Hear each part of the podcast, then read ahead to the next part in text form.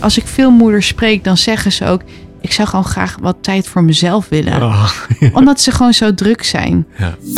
Dit is jouw idee. Het is een goed idee. Je hebt er onderzoek naar gedaan, je schrijft je in bij de Kamer van Koophandel en je hebt een bedrijf. Maar dan ben je er nog niet. Want wat heb je aan een bedrijf als je boekhouding niet op orde is? In deze podcast ga je de verhalen horen van ondernemers en waarom een goede boekhoudoplossing zo belangrijk is. Zometeen praat ik met Suzanne van der Gient, oftewel de buitenjuf. Ze geeft les in buitenspelen, eh, heeft haar eigen bedrijf en doet haar boekhouding bij Paperdork. En van Paperdork zitten hier aan tafel Mark, Nicky en Erik. Hallo. Hey. Even in het kort, wat is Paperdork? Paperdork is een administratiekantoor en een software eh, boekhoudpakket in één. Eh, waarbij we kijken hoe we het zo makkelijk mogelijk en leuk kunnen maken voor onze klanten. Nice. Even kort gezegd. En, en wie is Paperdork dan? Dat zijn jullie drie. En hebben jullie verschillende taken daarin? Eh, ja, eh, Nicky is een beetje de, de, de organisator, regelneef. eh zorgt dat alles op rolletjes loopt. Ik ben de, van de techniek. En Mark is ja, onze cijferbaas. En hoe is Paperdork ontstaan? Nou, eigenlijk zijn we ehm, gewoon van scratch af aan gaan nadenken over in de ideale situatie. Eh, ik heb zelf meer een creatieve achtergrond. In het verleden heb ik ook eh, een aantal jaar een webshop gehad. Dus ik heb helemaal niks met cijfers. Eh, dus we hebben nagedacht in zo'n situatie, hoe zouden we dan idealiter willen dat onze boekhouding geregeld wordt? Je hebt toch een beetje het idee bij een boekhouder dat het vaak een ja, wat traditioneler persoon is.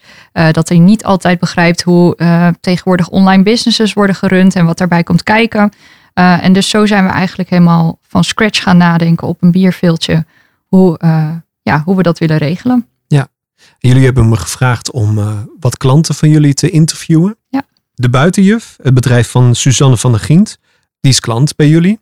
Een tijdje terug sprak ik haar. En ik wil met jullie even gaan luisteren naar dat interview. En dan heb ik zometeen ook nog wat vragen voor jullie. Helemaal goed. Prima. Ja. Stel je komt een, eh, een vriendin van vroeger tegen op een feestje en je moet uitleggen wat je nu doet. Oeh, dan begin ik vaak eh, te lachen. Want dan zeg ik ehm, dat ik het lastig vind om dat uit te leggen. Omdat ik eigenlijk wel een, ja, een heel erg bezig bijtje ben. Maar als ik het dan toch kort zou moeten omschrijven, dan zou ik zeggen dat ik met kinderen buiten op pad ga om hun daar dichter bij de natuur te brengen. En dat ze een groter lichaamsbewustzijn krijgen en daardoor hun creativiteit en zelfvertrouwen groeit. Mhm. Zo zou ik de buitenjuf omschrijven. Ja, Ja. op een feestje. Op een feestje. Ja, nou ja, op een feestje dan, eh, dan sta ik best wel aan. Dus misschien dat ik nog wel veel meer zou vertellen. Maar als ik het kort en bondig Ja. zou moeten vertellen, dan zou dat het zijn. En dan zou ik misschien ook toevoegen, dat is dan vaak wel de extra vraag die ik terugkrijg, is wat is dan je achtergrond? Ja. En dan zeg ik, dan ben ik hulpverlener en sociaal pedagoog. Ja. Dus die helpt kinderen om weer dichter bij hunzelf te komen, om hun sterker in hun schoenen te laten staan, om zo verder te groeien. Ja. Hoe, hoe ben je op dit idee gekomen? Ehm, nou, ik was afgestudeerd als sociaal-pedagogisch hulpverlener in Amsterdam. En ik ben toen in loondienst gegaan bij hulpverleningsorganisaties. En daar werkte ik veel met kinderen buiten. En wat mij opviel was dat kinderen steeds minder creativiteit hadden om te bedenken wat ze buiten konden doen. En eh, vanuit daar ontstond dan een soort van verveelgedrag, wat zich verder dan ontwikkelde naar pestgedrag. Vond ik heel erg interessant, want als ik aan mijn eigen jeugd terugdacht, dan dacht ik, ja, we wisten vroeger toch heel veel dingen die we buiten konden doen. Om de haverklap bedachten we wel iets. Dus dat vond ik best wel een beetje gek. En daar ontstond bij mij eh, de onderzoeksvraag eh, en heb ik contact opgenomen met de gemeente Amsterdam. En Starters for Community, zo heet de organisatie die eh, nieuwe ondernemers, startende ondernemers helpt om een impact te maken. Toen kreeg ik studenten aangewezen die mij gingen helpen en met mij een onderzoek hebben gedaan naar de term binnenkinderen in Amsterdam. En uit die onderzoeksresultaten kwam heel erg naar voren wat het effect is van 2D-spel, dus met een iPad of een telefoon. En dat dat zeg maar de hersenen op een bepaalde manier niet eh, triggert om dingen te ontwikkelen, zoals een stukje creativiteit en zelfvertrouwen. En uit die onderzoeksresultaten kwam dus ook heel erg naar voren wat 3D-spel dus wel heel erg doet. Dus dingen vasthouden om laten vallen.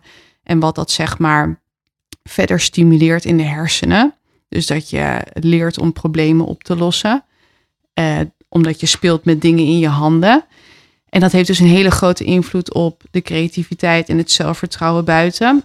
En uh, ook uit die onderzoeksresultaten kwamen naar voren wat, uh, hoeveel kinderen in en rondom Amsterdam binnen en buiten spelen. En dat vond ik best wel, uh, ja, was ik best wel van onder de indruk. Omdat 9 op de 30 kinderen speelt niet of één keer in de week buiten. Dat is natuurlijk super weinig.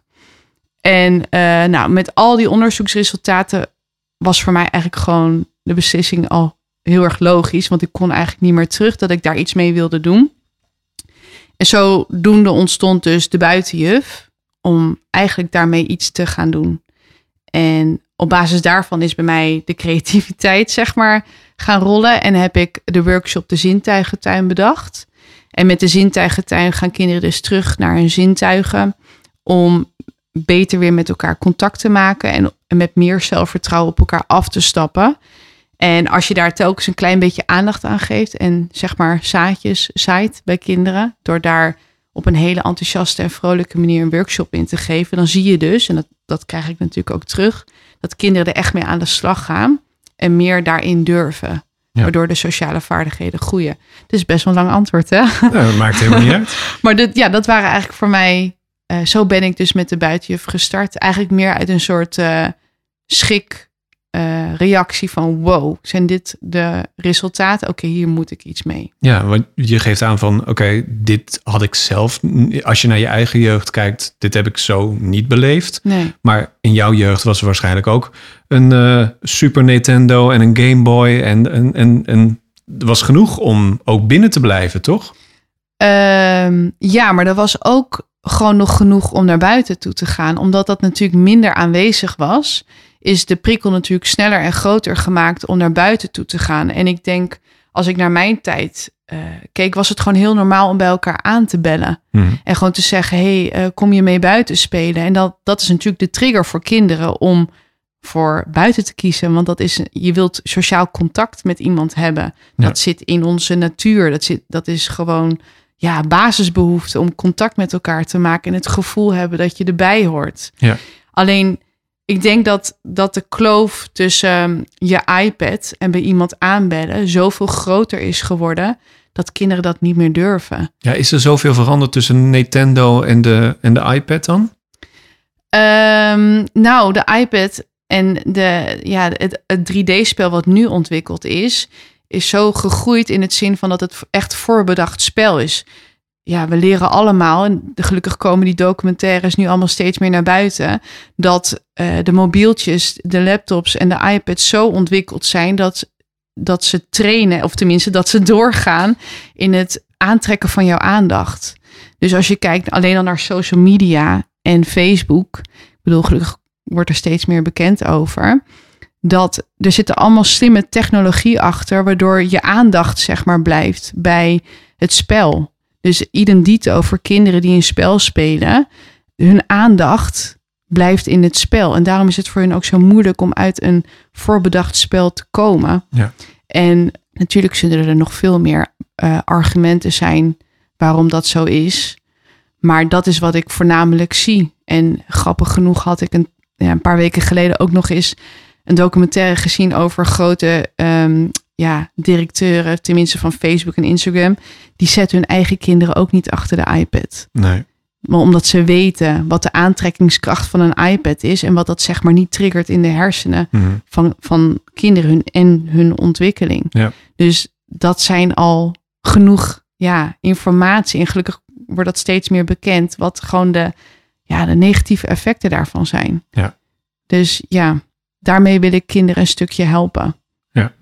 Zo'n spel als Pokémon, wat een paar jaar geleden was, zij maken heel erg de verbinding juist met buiten en, en een game spelen, zeg maar. Ja. Zou daar niet wat meer investeerd, ook naast jouw werk natuurlijk, wat je doet. Maar eh, zou dat een, een, een goed iets zijn? Ehm, Dat je in plaats van Pokémon eh, gaat zoeken, dat je op zoek moet naar mieren bijvoorbeeld of zo. Ja, het is grappig dat je dat zegt. Dat zei laatst iemand tegen me. Waarom ga je geen app maken Ja. voor de buitenjuf om kinderen op die manier meer te triggeren?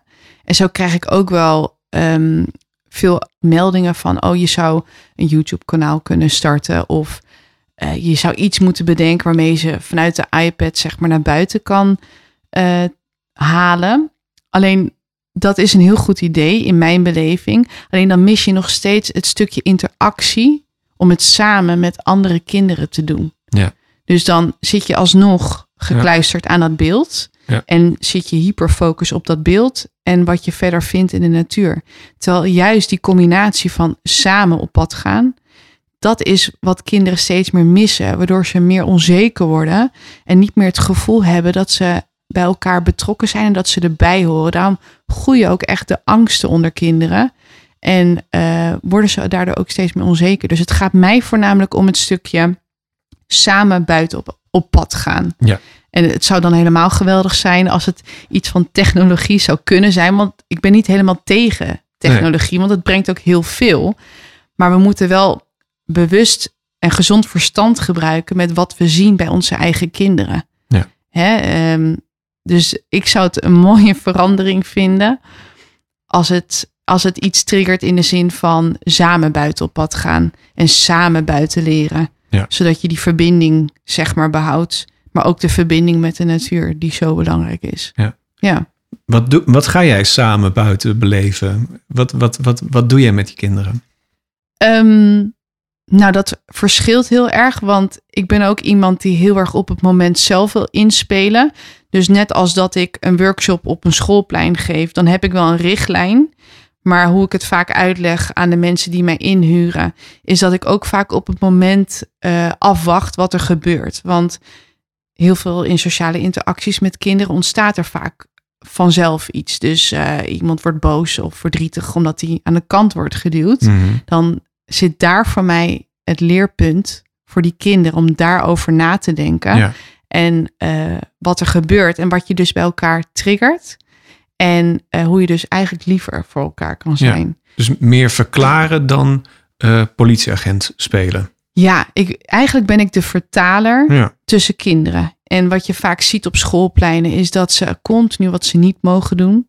En als het iets verwarrend is voor kinderen, is het om te horen wat je niet mag doen. Je wilt juist als kind horen wat je wel kan doen. Dus wat ik vaak doe op de schoolplein is inderdaad de vertaler zijn van het gedrag naar de ander toe. Mhm. Zodat ze elkaar beter begrijpen. En hoe ze, hoe ze dus de keuze krijgen om het een andere keer anders te doen. Want als een kind nog niet heeft geleerd om het anders te doen, kan hij het natuurlijk ook niet laten zien. Nee.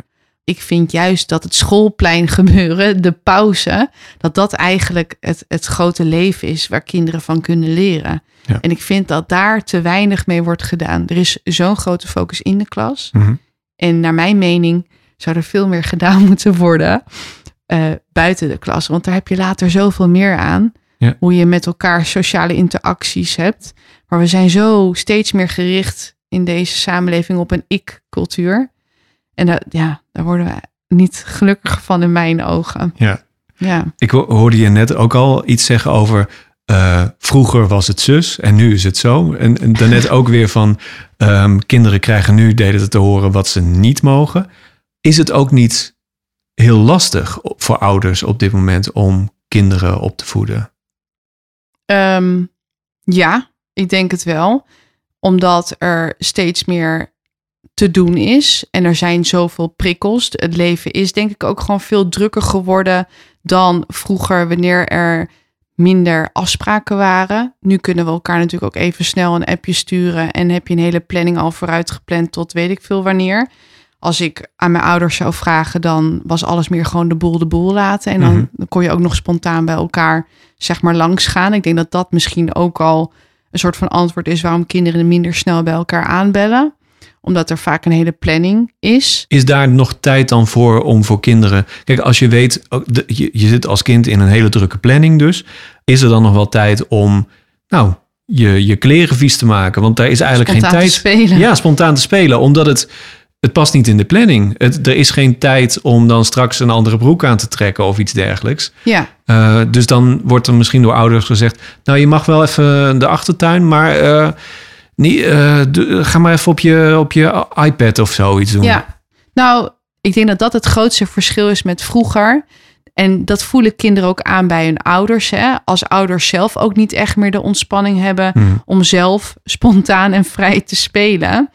Eh, je bent als ouder ook een voorbeeld voor je kind. Ja. 80% van wat een ouder in zijn eigen karakter heeft zitten, is ook een gedeelte van hoe je zelf in de opvoeding staat. Natuurlijk een heel groot effect op je kind zelf. Dus wat ik vaak zelf ook adviseer aan ouders, om in kleine stappen ook zelf het juiste voorbeeld te laten zijn. Dus als jij wilt dat je kind minder eh, achter die iPad zit of telefoon, Hmm. of meer wilt dat het buiten spontaan gaat spelen, dan ben je zelf het voorbeeld daarin. Ja. En daar zijn ouders nog niet altijd bij stil. Nee. Maar nu word jij ook weer ingepland in een, Ja. nou, een uurtje dat jij met die kinderen dan gaat spelen. Ja. Dus het wordt ook weer een Ja. planning gemaakt. Ja, maar alles is tegenwoordig toch gepland. Ja, weet ik niet. Het liefst zou je willen dat er gewoon meer rust in een weekplanning zou zitten. Maar dan alsnog start dat eerst natuurlijk bij ouders. Ja. En bij mij gaat het dan, dan om, ik heb altijd een soort van cape om mezelf gehad met een soort Robin Hood gehalte. Van dat ik zeg maar wil toveren en het beste voor gezinnen wil. Maar ik heb ook geleerd nu in de afgelopen jaren dat ik het heel klein moet houden. En dat ieder klein, kleine verandering al iets teweeg kan brengen binnen een gezin. En voor mij is die kleine verandering, als ik kinderen zeg maar met mijn enthousiasme mee kan krijgen door middel van een workshop. En ik, daar zitten twee kinderen die ik mee heb gekregen. En die thuis dat zeg maar ook doen. Ja, misschien een broertje of een zusje Ja, of een hebben. broertje of Ja. een zusje. Dan, dan, dan ontstaat er al iets. Want als kinderen enthousiast zijn, als kinderen blij zijn, dan zijn ouders dat ook. Dus als ouders zien dat hun kind bijvoorbeeld blij wordt van... hé, hey, ik ben vandaag buiten geweest met de buitenjuf... en we zijn door de buurt heen gegaan. Papa, mama, ga je mee? Mhm. Dus dan, dan hoop ik al door middel van een workshop... dat ik in ieder geval twee kinderen misschien eh, over de streep kan Ja. krijgen... om buiten iets meer te doen. En daarmee, via via, bereik ik dan de ouders. Ja, Ja, grappig hoe je dat dan aan hun wil overdragen eigenlijk. Maar sta je er dan tussen, tussen de kinderen en de ouders? Of, of, zo voelt dat soms wel. Ja, ja. Eh, nemen zij bijvoorbeeld, want ik heb een filmpje bijvoorbeeld gezien. eh, waarin je met drie kinderen een slootje eh, gaat springen. Ehm, wat super leuk eruit ziet. En die kinderen vinden het fantastisch om dat te doen. ja. Ehm, maar ik kan me ook voorstellen, dat, oh, dan moet misschien een extra paar kleren mee. Of Ja. Ja, toch? Ja, is alweer too much. En dan achteraf kan ik dan denken, oh zie je wel, dit is misschien alweer een tip voor ouders wat eigenlijk te ver is. Het is al misschien te groot. En dat klopt dan ook. Hoe kleiner ik de tip maak, hoe Mhm. sneller ik reacties krijg van ouders dat ze het hebben gedaan. Mhm. Dus eh, het bos ingaan en daar met eh, het materiaal van de natuur een schilderij maken. Nou, dan krijg ik heel veel leuke reacties. Want dan Mhm. is het klein, dan is het eenvoudig, dan is het simpel, want daar heb je niks voor nodig. Ja. Alleen zodra je dus gaat slootjes springen, dan inderdaad moet je daarop voorbereiden, moet je dingen meenemen. Ja, en daar hebben ouders niet altijd zin in. Nee. Dat, dat is gewoon heel erg duidelijk. Moeders, dat, als ik veel moeders spreek, dan zeggen ze ook: ik zou gewoon graag wat tijd voor mezelf willen Oh, omdat ze gewoon zo druk zijn. ja. En gezinnen zijn steeds drukker. Zijn er ook ouders die meegaan? Mogen er ouders mee met slootjes springen bijvoorbeeld? Ik heb geen meekijkdagen. Ik wil het eigenlijk gewoon zo klein mogelijk houden, zodat ouders zelf in beweging komen. Of dat kinderen gewoon in de buurt zelf rondom hun huis iets kunnen beleven. Ja. Zodat wanneer ze de deur uitstappen, dat ze bewijs van in de straat geïnspireerd raken om hier gewoon spellen te spelen. Ja. Want ja, je ziet soms gewoon kinderen bij een speeltuin staan met eh, klimrekstokken of wat je ook allemaal ziet staan. En ze weten niet eens wat ze daarmee moeten doen. Nee. Dus wat ze nodig hebben is gewoon een klein beetje ideeën of inspiratie om daarmee aan de slag te gaan. Want dat, dat, dat kleine balletje gaat dan zelf in hun brein rollen. Ja. Dus als je maar een klein, kleine input geeft, dan gaat de creativiteit vanzelf groeien. Test je dat ook soms bij die kinderen van... eh, weten jullie wat buskruid is bijvoorbeeld? Ja, ja, ja, En? absoluut. Weten ze Nou, dat? Ehm, ja, veel schoolspellen, stand in een mand of tikkertje, dat blijft gewoon altijd standaard. Of het moordenaartje, weet je wel, waar- waarbij je elkaar een knipoog kan geven en dat de een dan dood neervalt. Dat blijft ook altijd een hit. Ehm, maar het grappige is, wa- wat jij vraagt, wat ik zie, is stel ik sta gewoon en ik geef geen input. dan ontstaat dus die verveling en dat pestgedrag Mhm. onderling. Maar ga ik bijvoorbeeld speelmateriaal neerleggen of desnoods een paar ideeën geven, dan wordt er mee gespeeld. Nou ja. En dan kunnen ze een uur lang spelen. Hoef ik niks te zeggen, gebeurt er ook niks vervelends. Goede afspraken van tevoren maken hoe je met elkaar omgaat. Om het spel goed te laten verlopen. En dan, dan, dan spelen ze gewoon. Nou. Maar zien ze het niet, dan, worden ze de, dan wordt er nog niks in werking gezet. Bizar. Ja. Want eh, ik, ik ben al lang niet meer op een basisschool geweest. maar eh, ik kan me zo voorstellen als je in groep 1 en groep 2... daar heb je toch allemaal kasten met allemaal spellen en dingen... en, en, en, en een poppenhoek en een bouwhoek en een eh, zand en weet ik wat allemaal. Daar hebben ze dan toch al geleerd om dat... Ja, maar Oh. daar gaat het niet mis. Die Oh. kinderen zitten fantastisch goed in hun fantasiespel. Ja. Maar wanneer ze iets ouder worden, dan komen ze in een fase waarin ze wat onzekerder worden.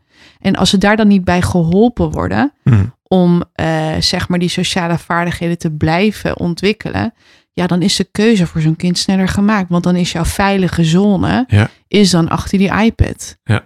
En om dan vanuit die eh, veilige zone te komen, ja, dat wordt steeds spannender als je daar niet de aandacht aan geeft. Nee. De piek zit hem zeg maar in kinderen van zes tot en met negen jaar, om daar nog iets mee te doen. Want in die leeftijd maak je vaardigheden nog eigen. Dus dat is ook mijn doelgroep, kinderen van zes tot en met negen jaar. Want zijn ze nog iets jonger, ja, dan staan ze nog niet heel erg stil bij wat ze nou precies doen. Dan ehm, kan je uitleggen dat bijvoorbeeld elkaar omduwen niet echt oké is. Maar ja, later doen ze dat toch. Pas daarna, rond vijf, zes jaar, gaan ze echt in hun hersen ontwikkelen dat je een ander echt verdriet kan aandoen. En dan heb je meer empathie naar elkaar toe. Maar als je daar dus niet genoeg aandacht aan geeft, dan ja, ontgroeit dat kind eigenlijk dat stukje empathie hm. en eh, de sociale interactie en het zelfvertrouwen. Daarom is het zo belangrijk in die leeftijd om daar iets mee te doen. En vaak in die leeftijd, daar gaat de verveling ontstaan omdat er niet genoeg aandacht voor is. Je hebt je dan je bedrijf van gemaakt. Ja, Eh, dan kom je thuis van een hele dag, nou, misschien wel buiten spelen of in het bos of Ja. misschien in een klaslokaal. En dan moet er nog administratie gedaan worden. Hoe groot is dat verschil? Eh, ja, wel lastig. Want ehm, ja, ik ben gewoon ook heel erg graag buiten. En ik ervaar zelf natuurlijk de voordelen daarvan. Dus voor mij is het heel erg belangrijk dat administratie alsnog een beetje speels is. En dat het me boeit. En eh, dat ik erbij geholpen word. Want ik weet gewoon dat het niet mijn, mijn sterkste eigenschap is Mhm. administratie. Ja, er is voor mij geen grote contrast van buitenspelen met kinderen en hun helpen. En dat is vaak ook best wel impulsief werk eh, op de plek zelf. Ja, daar, in, ja, daar tegenaan dan administratie doen is natuurlijk wel Tegenovergestelde, tegenovergesteld. Ja, ook niet wat je ze leert. Dat je Nee. binnen eh, op, een, eh, nou ja, op een computer dan ja. cijfertjes... eh, ja maar gelukkig is het niet. ehm, ervaar, ja, ervaar ik dat maar als zo'n klein percentage van mijn werk dat je dat ook gewoon Ja. kan accepteren dan. maar je probeert het wel leuk te maken. Ja, nou, ik, ik probeer het leuk te maken door inderdaad gezellig muziekje op te zetten. Ja. Of eh, een eh, lekker kopje koffie erbij. Of ehm, dat er een beloning aan het einde wacht. Ja. Ja, Want eh, ik kan me zo voorstellen dat nou, niet iedereen heeft goede ervaringen met, met nou, mensen die jouw administratie doen en zo. Heb jij daar wel eens last van gehad? Ehm, ja toen ik voor mezelf begon, vier jaar geleden, ehm, was mijn leermeester op dat moment mijn vader. Omdat hij ook zijn eigen bedrijf heeft. En ehm, nou ja, mijn vader is nu boven de 60 en die had gewoon een boekhouder. En daar is hij al jaar in, jaar uit bij betrokken. En mijn vader vindt het ook interessant, de boekhouding. Dus die weet er ook veel van.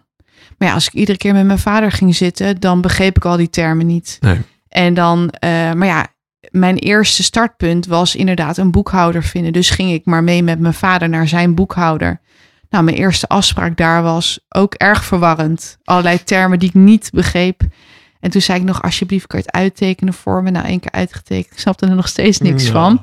Dus ik heb toen geaccepteerd van, ik ga dit nooit leuk vinden. Mhm. Ehm, en ik voelde me ook een beetje eh, de dombo iedere keer als ik daar binnen stond. Want dan legde deze meneer weer heel veel dingen aan me uit.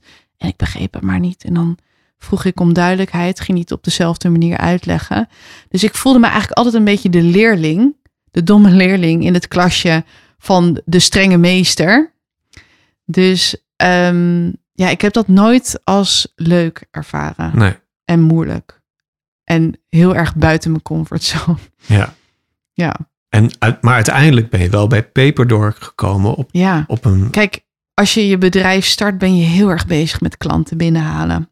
Hoe kan ik ervoor zorgen dat ik in ieder geval iets van omzet heb, zodat ik überhaupt een boekhouder kan betalen, omdat het niet mijn kracht is. Dus ik wilde dat meteen uitbesteden. En ehm, jouw vraag was, hoe ben ik bij Paperdork gekomen? Ja, nou ook hoe, eh, eh, waarom je nou ja, daar ook gestopt bent. Ehm, omdat ik er dus echt goed voor ging zitten. Wat betaal ik nou eigenlijk bij mijn boekhouder? Wat, wat geeft hij mij nou eigenlijk voor dat grote bedrag? Hè? Want toen ik er eigenlijk echt voor ging zitten, ontdek ik in één keer van: wow, ik betaal eigenlijk best wel veel voor deze meneer. Ja, want je had geen vast bedrag per jaar afgesproken. Of... Nee, geen vast bedrag per jaar afgesproken. Het was iedere keer: dit is de x-tijd die hij eraan besteedt. En dan kreeg ik een factuur. Dus het was iedere keer met mijn vingers gekruist hoeveel die factuur ging zijn. En helemaal aan het begin had ik heel veel vragen. Dus ja, grote bedragen.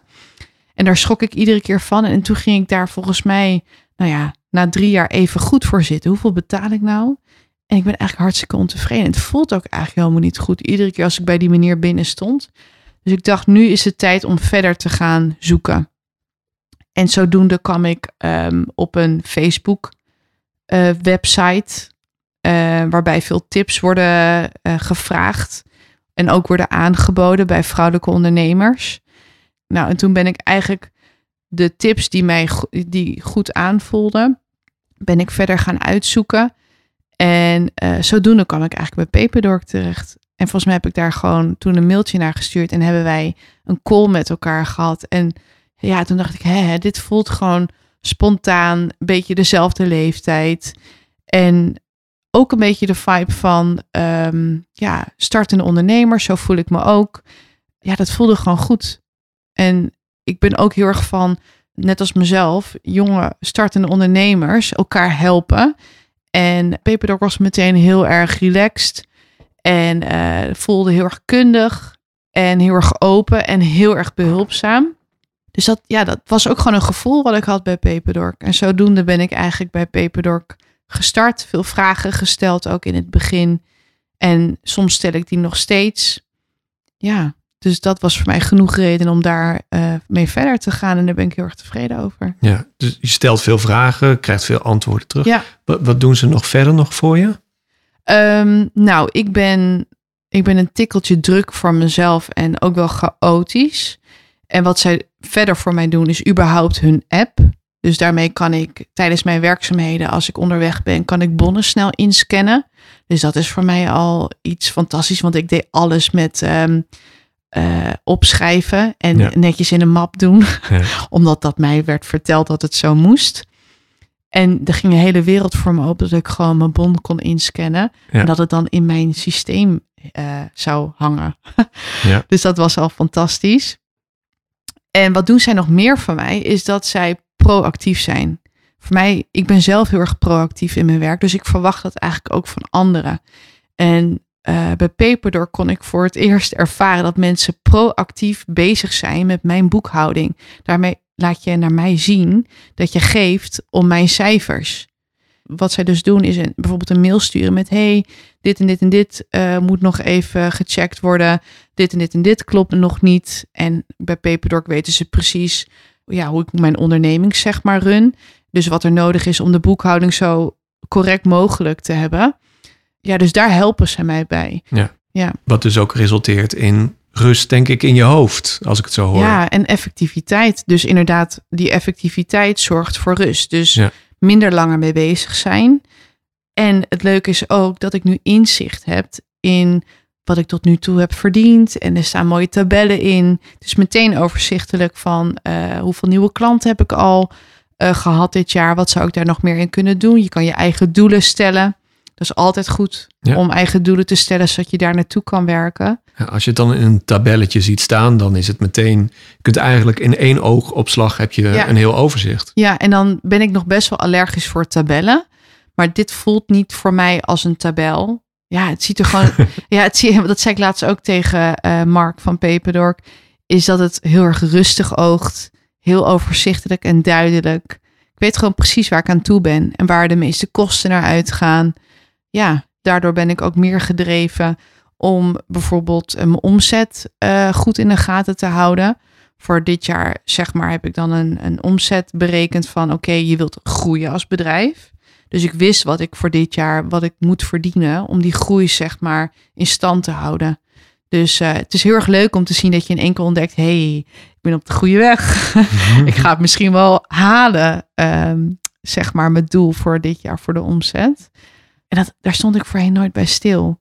Dus eh, ja, nu wel. En nu heb ik het natuurlijk ook gewoon in mijn zak. Dus ik kan af en toe ook gewoon, als ik ergens moet wachten, kan ik even daarnaar kijken van, hey, hoe sta ik er eigenlijk voor? Ik ben wel heel druk aan het buitenspelen, maar ehm, gaan de cijfers ook achter eh, eh, bij de buitenjuf goed? Ja, dat is wel fijn dat je geen mappen mee hoeft nemen. Nee, even erin bladeren. Ja, die mappen stonden natuurlijk altijd gewoon bij de, grotendeels bij de boekhouders. Ik, ik, ja, ik had soms geen idee, joh. Ja. Ja.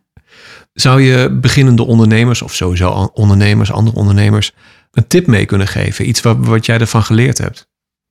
Ehm, de enige tip die ik daarin mee kan geven is, ook al heb je geen verstand van een boekhouder of een accountant, dan is mijn tip om sowieso wel altijd je onderbuikgevoel te volgen.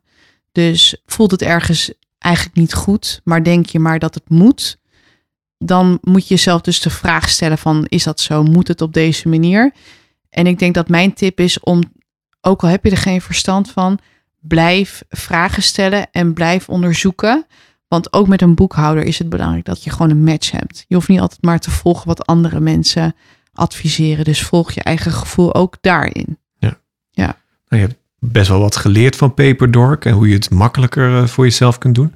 Wat zou Paperdork van jou als buitenjuf kunnen leren? Oh, je stelt lastige vraag hoor. Ehm, ja, las pauzes in. Maar ja, ik weet niet of dat dan een concrete tip is waar ze iets aan hebben. Want ik kan me voorstellen dat zij die tip denk ik ook wel Ja. zouden toepassen. Want als ik een beetje op hun social media kan spieken, dan zie ik zo her en der ook dat zij buiten aan het eh, suppen zijn door de grachten volgens mij. Dus volgens mij doet Paperdork zelf Doen ze het al heel goed? doen ze het al Ja. en houden ze die balans al heel erg goed. Ja. Dus dan zou mijn tip zijn aan Paperdork, ondanks dat, dat ze eh, aan het groeien zijn en succes, ja, hou de rust ook voor jezelf. Maar die tip moet ik zelf ook vaak nog tegen mezelf zeggen. Ja. Nou, goede tips. Dankjewel. Alsjeblieft. En? Waren jullie buiten kinderen? Ik eh, wel vroeger, ja. Ja? ja? ik heb Ja. heel veel buiten gespeeld vroeger met mijn eh, buurjongetjes en buurmeisjes. Ja. Ja, ik ben grootgebracht op een boerderij, dus ik, eh, Oh ja. ik weet niet alleen maar beter dan eh, buiten spelen. Ik denk een stuk minder. ik vond die Gameboy wel interessant. ja. En jij kwam toch uit de stad, toch eh, het platteland waar wij vandaan komen dan misschien. Wellicht. Mooi ook om te horen dat, dat klanten nou ja, zo, zo blij met jullie zijn. Ehm, komen ook wel verhalen, negatievere verhalen over eh, boekhouders. Ehm, hoe komt dat nou? Nou, ik denk eh, de voornaamste reden waardoor het komt dat ehm, mensen geen goede ervaring hebben met een boekhouder, is dat ze. ehm, kijk, een boekhouder is niet iets wat leuk is om te shoppen. Dus heel vaak als iemand start met ondernemen, dan ga je al heel snel mee met een boekhouder van iemand die je kent. In dit geval voor Suus was het haar vader bijvoorbeeld. Maar dat soort verhalen hoor je heel veel. Ehm, en eigenlijk ga je dan niet echt nadenken van, is dit nou een boekhouder die echt bij mij past? In dit geval was het misschien een boekhouder die perfect was voor haar vader, maar niet een boekhouder die goed past bij wat Suus wil. Nou ja, en je hebt gewoon verschillende soorten boekhouders. Ehm, wij vinden het dus heel fijn om gebruik te maken van digitale middelen, digitaal te werken. Wij vinden het belangrijk om niet met moeilijke termen en zo te praten. Ehm, wij houden er ook van om af en toe eh, een keer eh, ja, een beetje wat informeler te praten. Een keer af en toe een klein grapje tussendoor. En dat moet bij je passen. Dus ik denk ook dat het gewoon heel erg belangrijk is om een boekhouder te zoeken die bij je past. Want als je allebei een andere taal spreekt, dan wordt het heel lastig, denk ik. Ja, dat wordt lastig. Dat zegt Suus ook een beetje. eh, en dat is ook iets waar, ja, wat wij gewoon heel erg belangrijk vinden. Waar ik ook vooral bij Mark op het begin heel erg op heb gehamerd. Kijk, als je een boekhouder bent, of Mark is in dit geval een accountant, eh, en je hebt daar jarenlange studies voor gevolgd, en je hebt altijd bij mensen in een omgeving gezeten die kennen dat taalgebruik, die weten waar je het over hebt. Voor jou is dat heel normaal, maar voor iemand die onderneemt en helemaal geen economische achtergrond heeft, ja, is dat gewoon heel erg lastig. Dus eh, ik heb ook op het begin af en toe tegen Mark moeten zeggen van hey, let op, dat is geen normaal woord. Dat kent een eh, gemiddelde ondernemer niet. Dus dat moet je op een andere manier gaan uitleggen. Ja. En dat vinden wij belangrijk. We vinden het gewoon belangrijk dat wij gelijkwaardig zijn. En dat wij dus in dit geval niet de strenge meester zijn en iemand anders daardoor zich dom voelt. Eh, we willen gewoon een toegankelijke boekhouder zijn waar je al je vragen aan kunt stellen. Want anders voel je ook een drempel om je vragen te stellen. En dat is gewoon zonde. Dat lijkt me met bijvoorbeeld de app bouwen, Erik, dat dat ook wel belangrijk is om de juiste woorden te gebruiken, toch? Eh, ja, zeker. Ja. ja, we proberen eigenlijk ook gewoon eh, woorden te gebruiken die iedereen kent. En niet, net zoals het standaard boekhouden, dat je een, eh, een debit en een creditkant hebt. En, maar gewoon dat je het invoert en weet je, op de achtergrond wordt het dan wel op die manier opgeslagen. Maar daar willen we klanten helemaal niet mee lastigvallen. We willen klanten gewoon duidelijkheid geven en het zo makkelijk mogelijk maken. En Mark, hoe belangrijk is het nou om je eigen boekhouding te snappen? Dat je ook begrijpt wat, wat, het, ja, wat het nou allemaal betekent. Eh, de basis is wel belangrijk, vind ik. En daarom in ons dashboard zie je ook gewoon heel makkelijk je opbrengst en je, en je uitgaven, zeg maar. Dat is namelijk het belangrijkste, dat je gewoon letterlijk weet, oké, als ik een factuurtje uitstuur, ontvang ik geld. Als ik iets koop, dan betaal ik geld, zeg maar.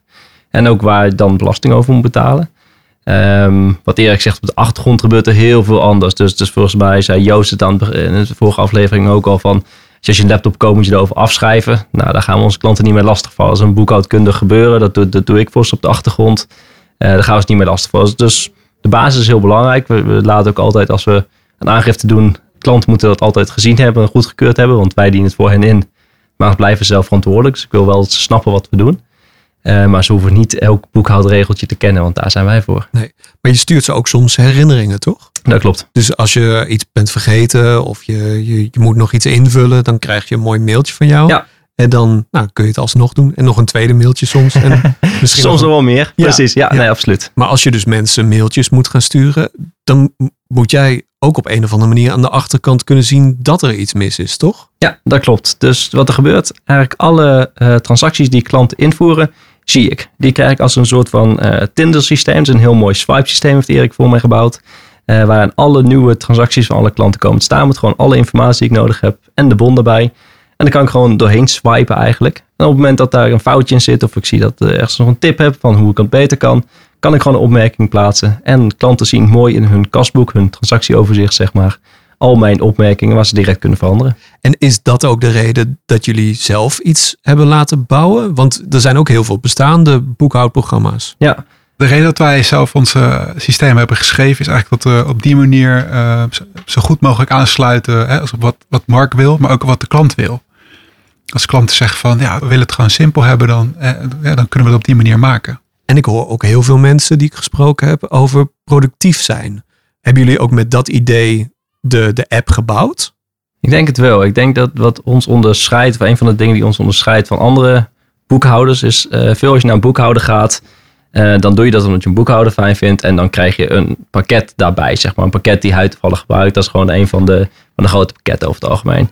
En moet jij je aanpassen naar die boekhouder en het pakket. Ik denk dat een van de krachten van ons is, onze klant moet zich niet aanpassen naar ons en ons pakket. Ons pakket past zich eigenlijk aan naar eh, onze klant en naar mij, zeg maar, als cijferbaas. Erik kan alles bouwen wat onze klant wil en wat ik wil.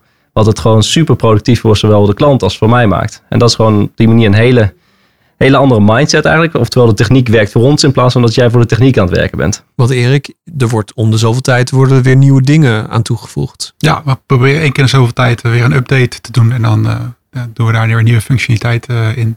Nog even over doelen stellen. Hoe belangrijk is het nou voor een ondernemer om doelen te stellen? En wat je kunt ook doelen stellen bij jullie in Paperdork. We hebben, eh, je, kan meer, je hebt een, een winstdoel of omzetdoel of eh, aantal klantendoel kan je instellen. En op die manier kan je dus je eigen succes eh, tracken. En dat is heel, werkt ook heel motiverend voor mensen, zijn we achtergekomen. Ja. Het is inderdaad vooral dat. Het is vooral dat het motiverend werkt. Wij hebben het uiteindelijk niet echt ergens voor nodig. Ehm, de een vindt het fijn, de ander vindt het niet fijn. Maar wij merken vooral dat het een soort van. Het is een soort game-elementje die erin zit. En je ziet na elke factuur die je verstuurt, zie je dat er een voortgangsbalkje steeds meer richting de 100% gaat. En dat zijn, dat zijn dat soort kleine dingen waardoor onze klanten het leuk vinden om met ons systeem te werken. Jullie klanten leren volgens mij hartstikke veel van jullie, doordat jullie alles gewoon heel goed uitleggen. Wat hebben jullie al van jullie klanten geleerd? Ga ik even hier het rijtje af. Mark, wat, wat heb jij geleerd? Ehm, wat ik heb geleerd, denk ik ook, eigenlijk wat, wat net in de podcast van de vorige aflevering ook is teruggekomen. Wat Joost heel erg zegt, van we- wees gewoon heel positief inderdaad. Gewoon van, doe wat je, wat je leuk vindt en geniet daar ook van, zeg maar, le- leef met de dag. En ik vond het mooi wat Suus zei inderdaad. Eh, mooi advies ook aan ons wat ze aan ons gaf. Maar we groeien inderdaad heel hard. Dat is aan de ene kant super leuk en daar genieten we onwijs van.